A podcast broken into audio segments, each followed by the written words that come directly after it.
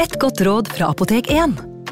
Nå er snart pollensesongen i gang, og et godt råd til deg som sliter med pollenallergi, er å begynne behandlingen i god tid før allergisesongen starter. Da får du nemlig enda bedre effekt av legemidlene, og så blir ikke våren din helt ødelagt. Kom innom og få råd på ditt nærmeste Apotek 1, eller chat med oss på apotek1.no. Apotek 1 vår kunnskap, din trygghet.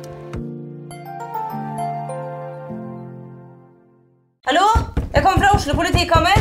Ine Jansen er purk. Er du purk? The motherfucking bitch. Alt jeg vil, er å finne ut hva som skjedde med mannen min. Jon Carew. Er jeg sikta for noe? Iben Akeli. Det er du. Ole So, Lars Berrum og Big Daddy Karsten. Hvem sin side er du på, egentlig? Anette Hoff, Tone Danielsen, Kommer du fra Afrika? Jørnis Josef, Nesten kløfta. Trond Espen Seim, Det er synd å si det, men det var feil mann som døde. Purk. Premiere tirsdag på TV2 Play. Hei! Takk for at du lytter til True Crime Podden dokumentar. Skulle du ønske at du kunne høre en ny episode av denne podkasten hver eneste uke? Vel, da er det bare å laste ned podkastappen Untold med en gang. I tillegg til ukentlige episoder av podkaster som Skrekkpodden, Synderne og True Crime Podden, får du masse annet reklamefritt og eksklusivt innhold. Last ned Untold i AppStore eller Google Play, og start din 30 dagers prøveperiode i dag. Drap,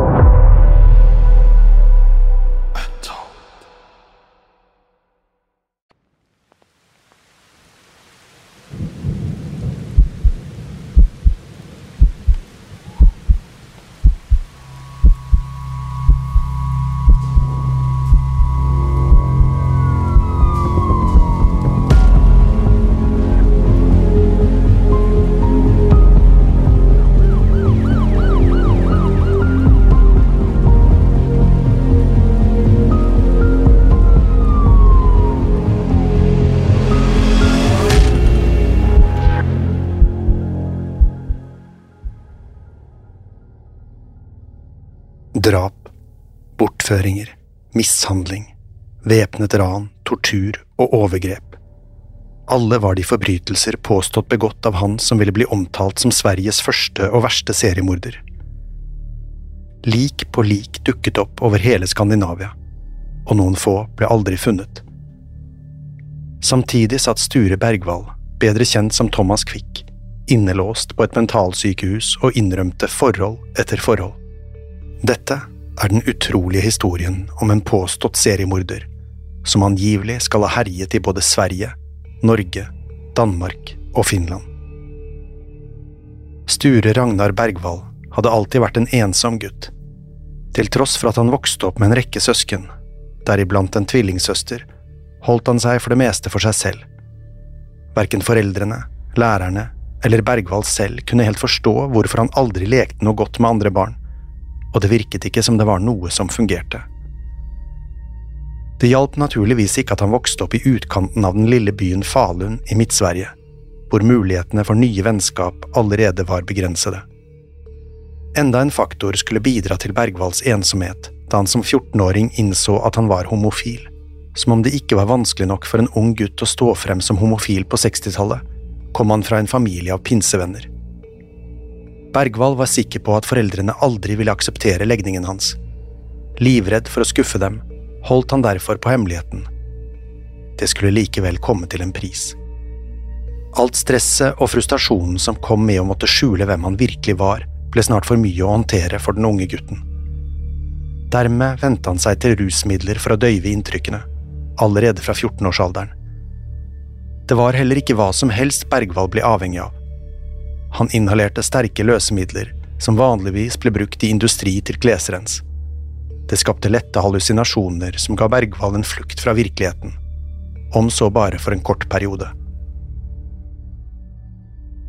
Slik skulle det fortsette i flere år.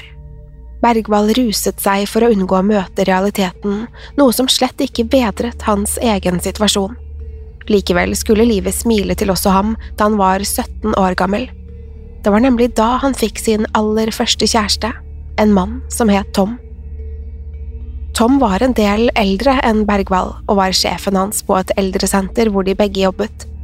Til tross for den store aldersforskjellen var de to ganske like av seg. Tom slet også med å finne seg selv i en verden som ikke ville akseptere ham for den han var. Dermed fant de hverandre i mørket og ble et par. Tom og Bergwall hadde et brennhett forhold den første tiden.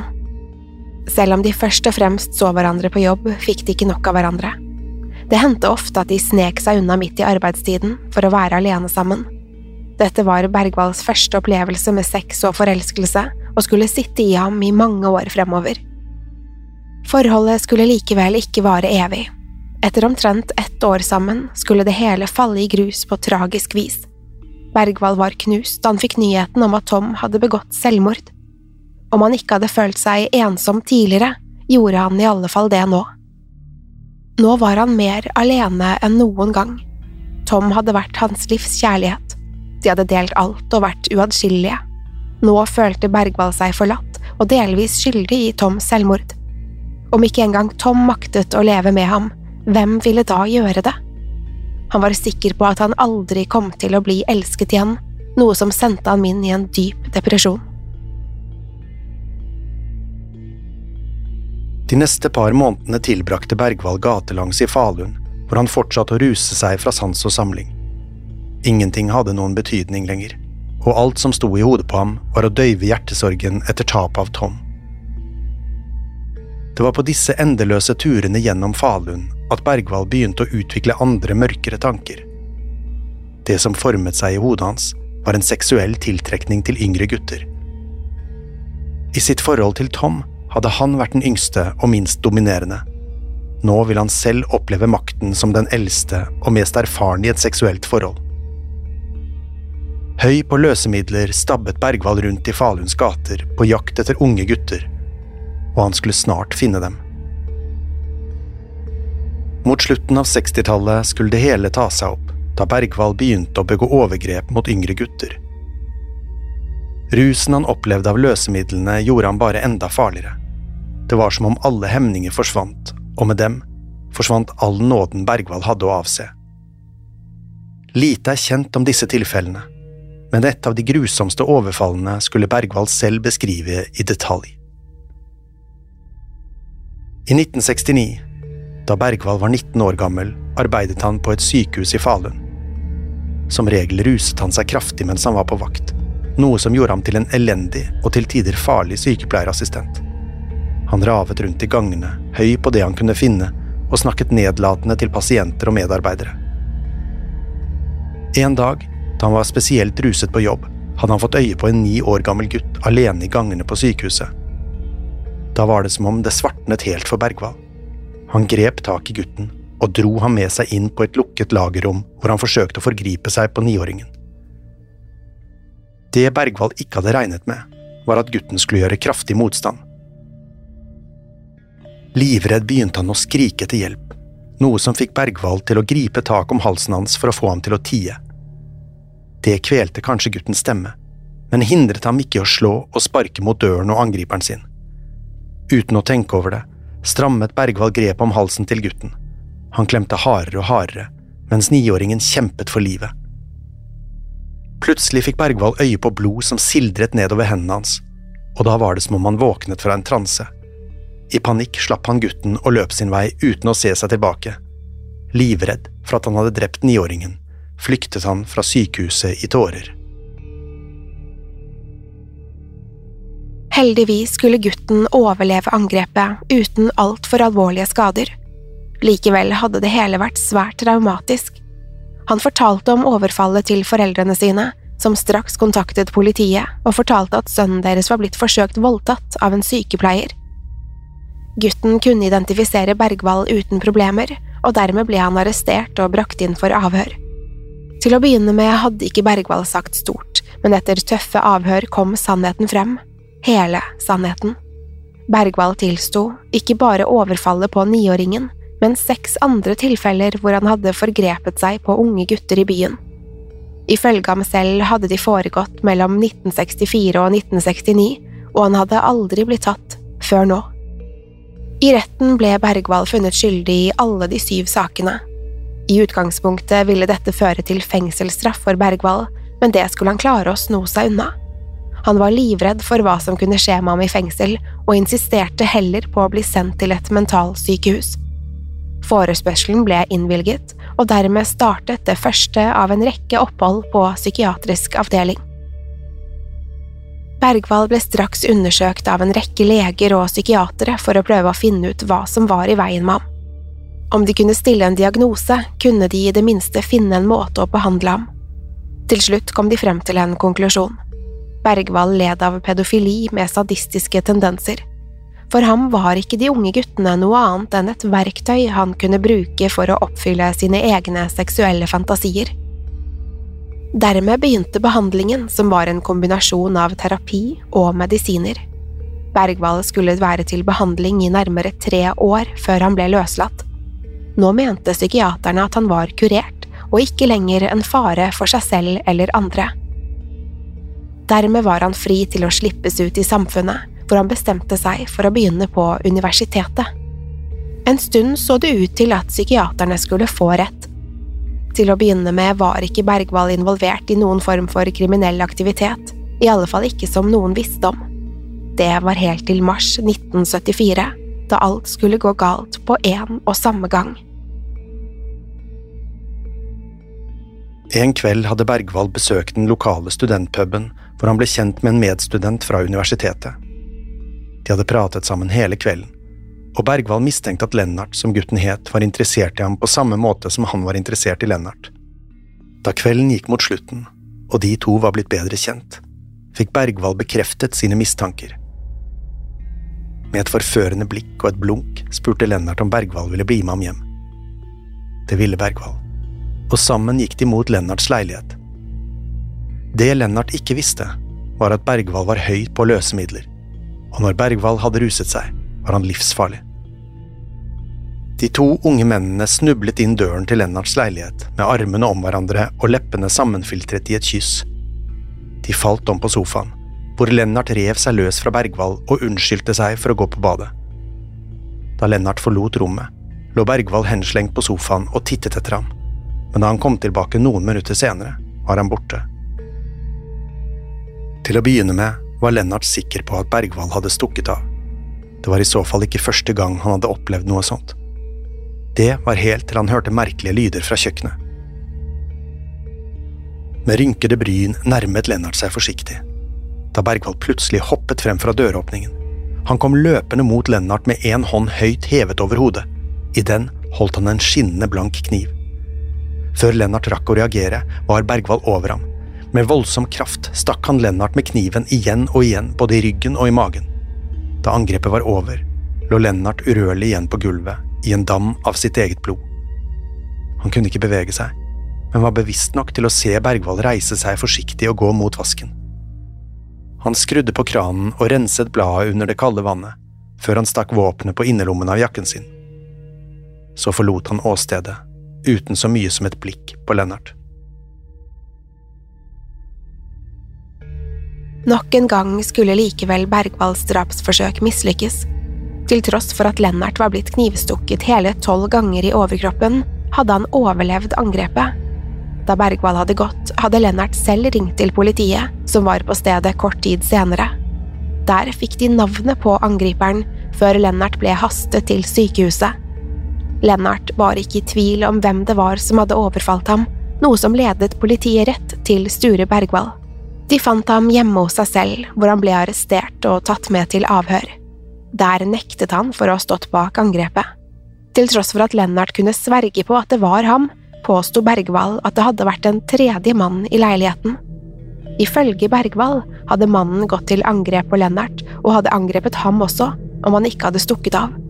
Likevel kunne han ikke si noe om hvem denne mystiske tredjeparten var. Disse påstandene var det ingen som egentlig trodde på, og Bergwall innså snart at han kom til å måtte sone for overfallet. Lennart var ikke i tvil om hva han hadde opplevd og hvem som sto bak angrepet, og det var mer enn nok for politiet. Bergwall ble stilt for retten, funnet skyldig og dømt til tre nye år på mentalsykehuset. Nok en gang klarte han å sno seg unna fengsel kun fordi han var livredd for hva andre innsatte kunne komme til å gjøre med ham. Selv om Bergwall nektet for å ha knivstukket Lennart, var han selv fullt klar over hva han hadde gjort. Skammen gnagde voldsomt, akkurat som da han trodde han hadde tatt livet av niåringen på sykehuset. Han skyldte på hallusinasjonene han fikk fra rusen, og sverget på at han aldri skulle ruse seg igjen. Denne gangen så det faktisk ut som han mente det. Etter tre nye år med behandling ble han løslatt og flyttet inn med foreldrene sine igjen. De var begynt å bli gamle, og Bergvald var derfor til god hjelp med alt de måtte trenge i huset. Plutselig virket det som han gjorde alt han kunne for å forbedre seg. Han holdt seg unna kriminalitet, og åpnet til og med en liten tobakksforretning med broren sin i 1982.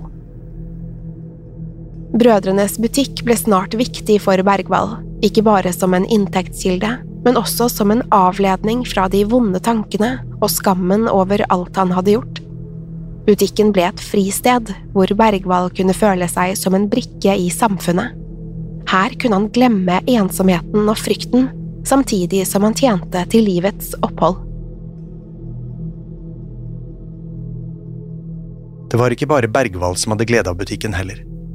Den ble også snart populær blant lokale barn og ungdom, som hang utenfor etter skoletid, noe Bergvall naturligvis ikke hadde noe som helst imot. En av de som tilbrakte mye tid i og utenfor butikken, var en elleve år gammel gutt som het Patrick. Bergvall og Patrick var snart på fornavn med hverandre, og den unge gutten tilbrakte stadig mer tid i butikken. Her hjalp han til der Bergvall trengte det, enten det var med å sjaue esker med nye varer, eller passe kassen mens Bergvall var borte. I tillegg likte Patrick godt å lufte Bergvalls hund, om Bergvall var for opptatt i butikken til å gjøre det selv. Det tok heller ikke lang tid før Bergvall også ble kjent med Patricks familie. Foreldrene var glade for å se at sønnen ble tatt vare på, og at Bergvall satte ham i arbeid. Han ble til slutt så nære dem at da butikken hans ikke lenger gikk rundt, i 1986, hjalp Patricks mor ham å starte på nytt. Bergvall skal til og med ha feiret en rekke høytider hjemme hos Patrick, og han ble nærmest en del av familien. Som en onkel som nektet å slippe taket. Selv om Bergvall var nære Patricks familie, var det likevel Patrick selv han var aller nærmest. De tilbrakte enorme mengder tid sammen, og ingen tenkte over at det var merkelig eller mistenkelig at en mann på over 30 år var så nære en så ung gutt som Patrick. Ingen mistenkte at det Bergvall i virkeligheten holdt på med, var det som på engelsk gjerne kalles grooming. Bergvall eglet seg mer innpå Patrick for hver dag som gikk, for å skaffe seg tillit før han en dag ville slå til. Senere skulle Bergvall selv beskrive denne tiden som den lykkeligste i hans liv. Den nye forretningen han drev med Patricks mor, gjorde det bra, og Bergvall nøt tiden med Patrick og familien. Likevel var ikke alt bare fryd og gammen innad mellom Patricks foreldre. Mot slutten av 80-tallet raknet forholdet mellom moren og faren til Patrick, noe som førte til at Patricks mor ikke lenger hadde like mye tid til å håndtere forretningen hun drev med Bergvall. Nok en gang skulle det bety slutten for Bergvalls butikk, og han ble nødt til å stenge dørene for godt. Selv hvor tungt det var for Bergvall å miste bedriften sin, gikk det hele mest inn på Patrick, som hadde sett foreldrene gå gjennom en skilsmisse. Han slet voldsomt med å akseptere foreldrenes brudd, og følte ikke lenger han kunne se dem i øynene. Det eneste stedet han følte han kunne finne trygghet og stabilitet, var med Bergvall. Kort tid etter foreldrenes brudd flyttet nå 18 år gamle Patrick inn sammen med Bergvall. Likevel skulle det ikke bli noe liv i velstand og luksus. Uten den stabile inntekten fra butikken tok det ikke lang tid før de var blitt lutfattige. De trengte sårt penger hvis de ville fortsette å leve sammen, og det var noe Bergvall ville forsikre seg om at de gjorde, koste hva det koste ville. Det svært usedvanlige paret trengte en plan, og det fort. Bergvall tenkte og tenkte til han fikk hodepine, før han endelig kom frem til en løsning. Han kom nemlig på at det hadde ligget en bank ved siden av der den første tobakksforretningen hans hadde vært. Så vidt han kunne huske, var banksjefen en vennlig og til tider svært naiv mann. Det hadde Bergvall tenkt til å utnytte. Den 14. desember 1990 skulle planen gjennomføres. I forkant hadde Bergwall gått til innkjøp av billige nissekostymer til seg selv og Patrick, med masker som dekket for ansiktet. Han hadde også funnet ut hvor banksjefen bodde, og den natten snek de seg mot huset, iført hvert sitt kostyme. De brøt seg inn så stille de kunne, og listet seg opp trappene til soverommet, hvor banksjefen lå i sengen med sin kone. Bak hullene i øynene på nissemasken hadde Bergwall gitt Patrick signalet, og med ett brøt helvete løs. De grep tak i hvert sitt offer og truet dem med pistol og kniv mens de ropte med fordreide stemmer og syltynne finske aksenter. Det siste hadde også vært Bergvalls idé, slik at de ikke skulle bli gjenkjent på stemmene sine. Sammen tvang de ekteparet til å bla opp alt de hadde av penger, før de forsvant i natten med en relativt mager fangst. Det var ikke stort de hadde fått med seg i ranet, men det var i det minste en begynnelse. I tillegg visste de nå at de var i stand til å gjennomføre et ran, og de var sikre på at neste kupp ville gi dem et større bytte. Både Bergwall og Patrick oste av selvtillit og feiret gjennom natten. Det hadde kanskje blitt en enda lengre feiring også, om det ikke hadde vært for én liten detalj. Før Bergwall og Patrick hadde stukket av med pengene, hadde banksjefen gjenkjent dem. De fordreide stemmene og aksentene deres hadde vært så dårlige at banksjefen ikke var i tvil om hvem som hadde brutt seg inn i huset hans. Han ringte straks til politiet og fortalte hvem han mente hadde stått bak ranet. Allerede neste dag ble både Bergwall og Patrick arrestert, siktet for innbrudd og væpnet ran. Denne gangen var det ikke noe poeng for Bergwall å nekte straffskyld. Han var blitt fersket med de stjålne pengene, samt våpnene de hadde brukt under ranet. I retten skulle begge to bli funnet skyldig, og Patrick fikk en dom på tre års fengsel for ranet. Bergwall derimot skulle enda en gang klare å sno seg unna fengselsstraff. For tredje gang klarte han å overbevise retten om at han hørte hjemme på en institusjon heller i en fengselscelle. Dermed bar det tilbake til mentalsykehuset. Hvordan Bergvall ble mottatt på institusjonen denne gangen, har fått mange til å tvile på dømmekraften til de som behandlet ham. Til tross for de alvorlige sakene Bergvall hadde vært involvert i, skulle han nyte enorme mengder frihet på behandlingssenteret. Han fikk bevege seg som han ville innenfor institusjonens murer, og var kun nødt til å delta på tre ukentlige terapitimer. Men det var ikke alt. I tillegg til å kunne vandre fritt inne på mentalsykehuset, fikk han også innvilget dagløslatelse. Dermed sto han fritt til å sjekke seg selv ut på dagtid og reise som han ville, uten tilsyn eller følge. Den eneste betingelsen var at han kom hjem om kvelden. Dette tilbudet benyttet Bergvall seg av titt og ofte. Som regel tok han dagsturer til Stockholm, hvor han tilbrakte dagene på Nasjonalbiblioteket. Her leste han gamle aviser og bøker om alt som interesserte ham. Bergwall var alltid alene på disse ekskursjonene og kom alltid hjem til avtalt tid. Hver gang fortalte han om det han hadde lest, enten det var gamle avisartikler eller fagtekster om drama og fortellerkunst. Det var nemlig disse temaene som interesserte Bergwall mest av alt. Ingen satte spørsmålstegn ved Bergvalls historier, fordi ingen trodde de hadde noen grunn til det. Om Bergvall sa han hadde vært på biblioteket, så hadde han vært på biblioteket. Denne illusjonen ble opprettholdt helt til juni 1992, da noe underlig plutselig skulle skje.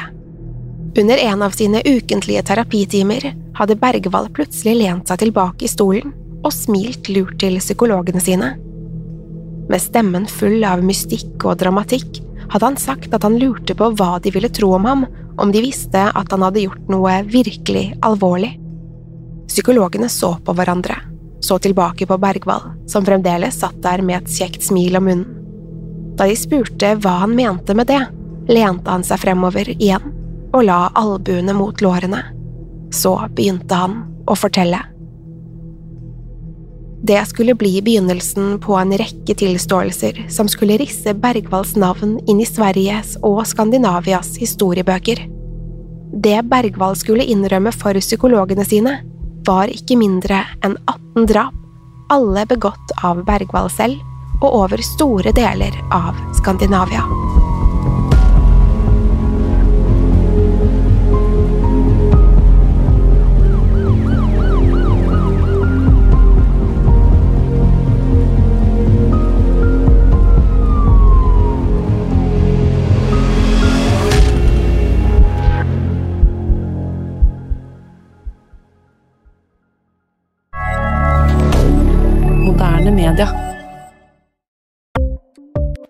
Ukens annonsør er Folio, en smartere banktjeneste for deg som har en egen bedrift eller ønsker å starte for deg selv. Folio er en superenkel nettbank for bedrifter. Som kunde i Folio får du en bedriftskonto med et bedriftskort og app. I denne appen er det smarte løsninger som forenkler regnskapet ditt, uansett om du har en liten bedrift eller et enkeltpersonsforetak. Folio er både intuitivt og brukervennlig, og er laget med et enkelt språk. I tillegg tilbyr de forutsigbare priser og ingen skjulte gebyrer.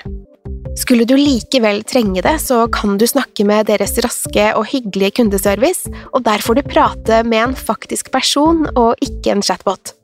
Folio er med andre ord både enklere og koseligere enn banken. Over 10 000 bedrifter har allerede valgt Folio som sin banktjeneste, så besøk folio.no og se hvordan Folio kan forenkle din hverdag også. Har du et enkeltpersonforetak eller en liten bedrift? Da er du sikkert lei av å høre meg snakke om hvor enkelt det er med kvitteringer og bilag i fiken, så vi eh, gir oss her, vi. Fordi vi liker enkelt. Fiken superenkelt regnskap. Kiwi er billigst i VGs matbørs og har vært billigst i fire av de fem siste VGs matbørser. Og nå presser vi prisene på frukt og grønnsaker. På 200 gram broccolini setter vi prisen til 24,90. På 400 gram Cevita blåbær setter vi prisen til 49,90. Og husk, alle Kiwi Pluss-kunder får i tillegg 15% trumfbonus på all fersk frukt og grønt. For det er vi som er prispresserne. Og vi i Kiwi gir oss aldri på pris.